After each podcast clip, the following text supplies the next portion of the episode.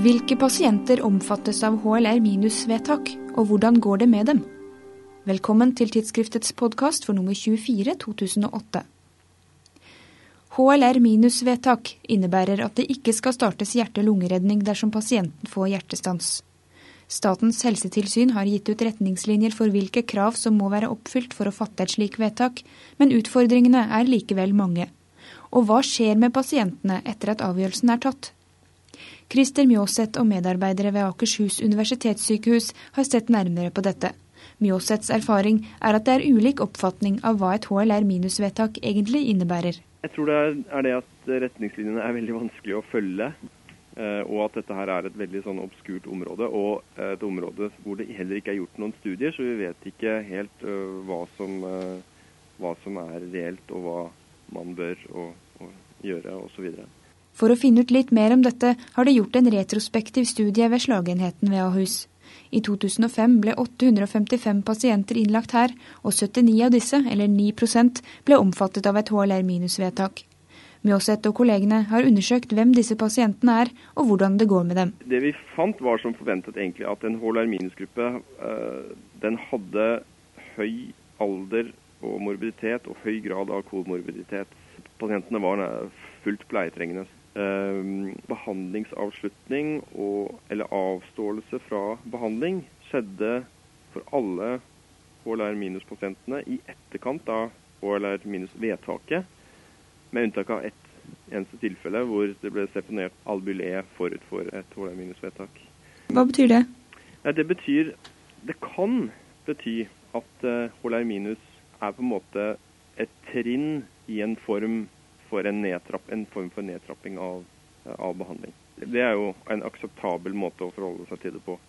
Men dette kan også bety at HLR minus eh, brukes litt som en slags knagg å, henge behandlingsunnlatelse på. da. Det rettferdiggjør behandlingsunnlatelse. Det er i så fall en gal bruk av vedtaket. Samtidig så så, så vi at eh, de aller fleste pasientene som fikk HLR minus-vedtak, de fikk eh, faktisk eh, full behandling. Så mange som 46% av de. Eh, og det er synes jeg, en høy prosentandel enn det vi kanskje hadde forventet. Slik at det, kan tale for at, at HLR minus-vedtak ikke nødvendigvis affekterer annen behandling. En sammenligning av pasientene som fikk full behandling med pasientene som ikke fikk full behandling, viste ingen forskjell, verken i komorbiditet, slaggrad, pleiegrad eller alder. Eh, og Det gjaldt også subgruppen som ikke fikk og fikk antibiotika for en infeksjon. Og det var litt overraskende, overraskende for oss. Eh, det kan jo egentlig bety at eh, pasientene fikk eller ikke fikk behandling på et tilfeldig grunnlag. I så fall er jo det et skremmende funn. Men, men, mest sannsynlig tror jeg også dette har noe å gjøre med at vi ikke har fanget opp de riktige parametrene for det som gjør at man velger å behandle eller ikke. Uh, sannsynligvis har det å gjøre med pårørendes tilstedeværelse, som er vanskelig å registrere, men også bevissthetsgrad, som vi ikke klarte å, å fange opp uh, f.eks. via Glasgow Scale, som ikke brukes noe særlig på en slagavdeling. Et annet funn er at det i gjennomsnitt gikk to og et halvt døgn fra innleggelsesdagen før et HLR minus-vedtak ble fattet. For slagrammede pasienter er tidspunktet for vedtaket spesielt relevant. De kan ha hjerneødem de første døgnene, men blir bedre så snart denne fasen er over, og de kan ha hjertearytmier av forbigående karakter, der prognosen på sikt kan være god. Mjåseth mener et snitt på to og et halvt døgn er positivt, og tyder på at man har sett situasjonen an. På den annen side så fant vi jo at 41 eh, av pasientene fikk holerminusvedtak minus-vedtak på innleggelsesdagen. Noe som kan tyde på at kanskje man var litt overivrige med å sette det. Dette blir jo veldig usikkert, men det er i hvert fall verdt å merke seg. Og det er noe vi også har tatt med oss videre på avdelingen, at, at dette må settes litt mer under lupen. da. Dere har også sett på hvordan det går etter vedtaket. Kan du si litt om det? Altså Mortaliteten på sykehuset var svært høy, og mortaliteten i hele HLMINS-gruppen var, eh, var, på til sammen 49 eh, På tross av at pasientene fikk full behandling, så, så var det veldig mange eh, som døde kort tid etter utskrivning. Et annet viktig moment som, eh, som, eh, er verdt å ta med seg, var at eh, nær halvparten av de pasientene som fikk HLR minus-vedtak, fikk en eller annen form for infeksjon.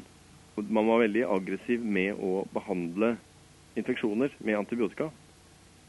Og kanskje i litt overdreven grad. De aller fleste av disse pasientene døde likevel. Så, så spørsmålet er om, om antibiotikabehandlingen skulle vært seponert tidligere i flere tilfeller her. Det er i det hele tatt mange utfordringer for leger som skal ta disse avgjørelsene. Professor i geriatri Torgeir Brun Wyller mener det er klokt å gjøre en forhåndsvurdering. Jeg tror det er en stor fordel at man har tenkt gjennom de spørsmålene på forhånd. Fordi når situasjonen oppstår og pasienten eventuelt uh, får hjertestans, så er det ikke tid til å tenke seg særlig mye om. Og Da er det også viktig at uh, sykehuset har en regel som sier at det alltid skal startes hjerte-lungeredning i slike tilfeller hvis ikke noe annet er bestemt.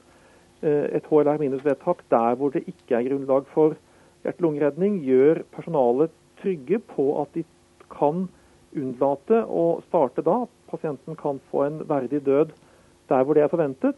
Og også at de er trygge på at de skal sette i gang for fullt hvis ikke et slikt vedtak er gjort. Hvordan er det å ta en slik avgjørelse om et HLR-minus-vedtak? Jeg tror vel at det aldri skal føles veldig lett. Eh, det er forbundet med litt emosjonelt ubehag og eh, ofte litt etisk anfektelse. Og det tror jeg er et sunnhetstegn. Hvilke vurderinger kan leger gjøre, mener du, og hvilke bør de ikke gjøre? Ja, jeg er litt opptatt av det at vi skal gjøre våre vurderinger særlig innenfor de områder hvor vi faktisk har en unik kompetanse. Og det er i forhold til å vurdere prognose. Det jeg derimot syns vi skal være veldig forsiktige med, det er å tro noe om denne pasientens liv er verdt å leve så å si. Om vi ville selv foretrukket å leve eller dø i den situasjonen pasienten er. For det viser seg jo at da har leger en slem tilbøyelighet til å undervurdere pasientenes livsvilje, undervurdere livskvaliteten som man kan ha selv om man har eh, f.eks. betydelige funksjonshemminger. Wyller mener Mjåseth og medarbeidere har satt et viktig søkelys på egen praksis, og mener dette tyder på god bevissthet. Jeg vil jo tippe at uh, bevisstheten rundt bruk av HLR minus kanskje er høyere i denne avdelingen enn hva som kan tenkes i mange andre avdelinger. Du kan lese Wyllers lederartikkel og hele studien til Mjåseth og medarbeidere i tidsskriftets julenummer. Dette var årets siste podkast, men vi høres igjen i 2009. God jul!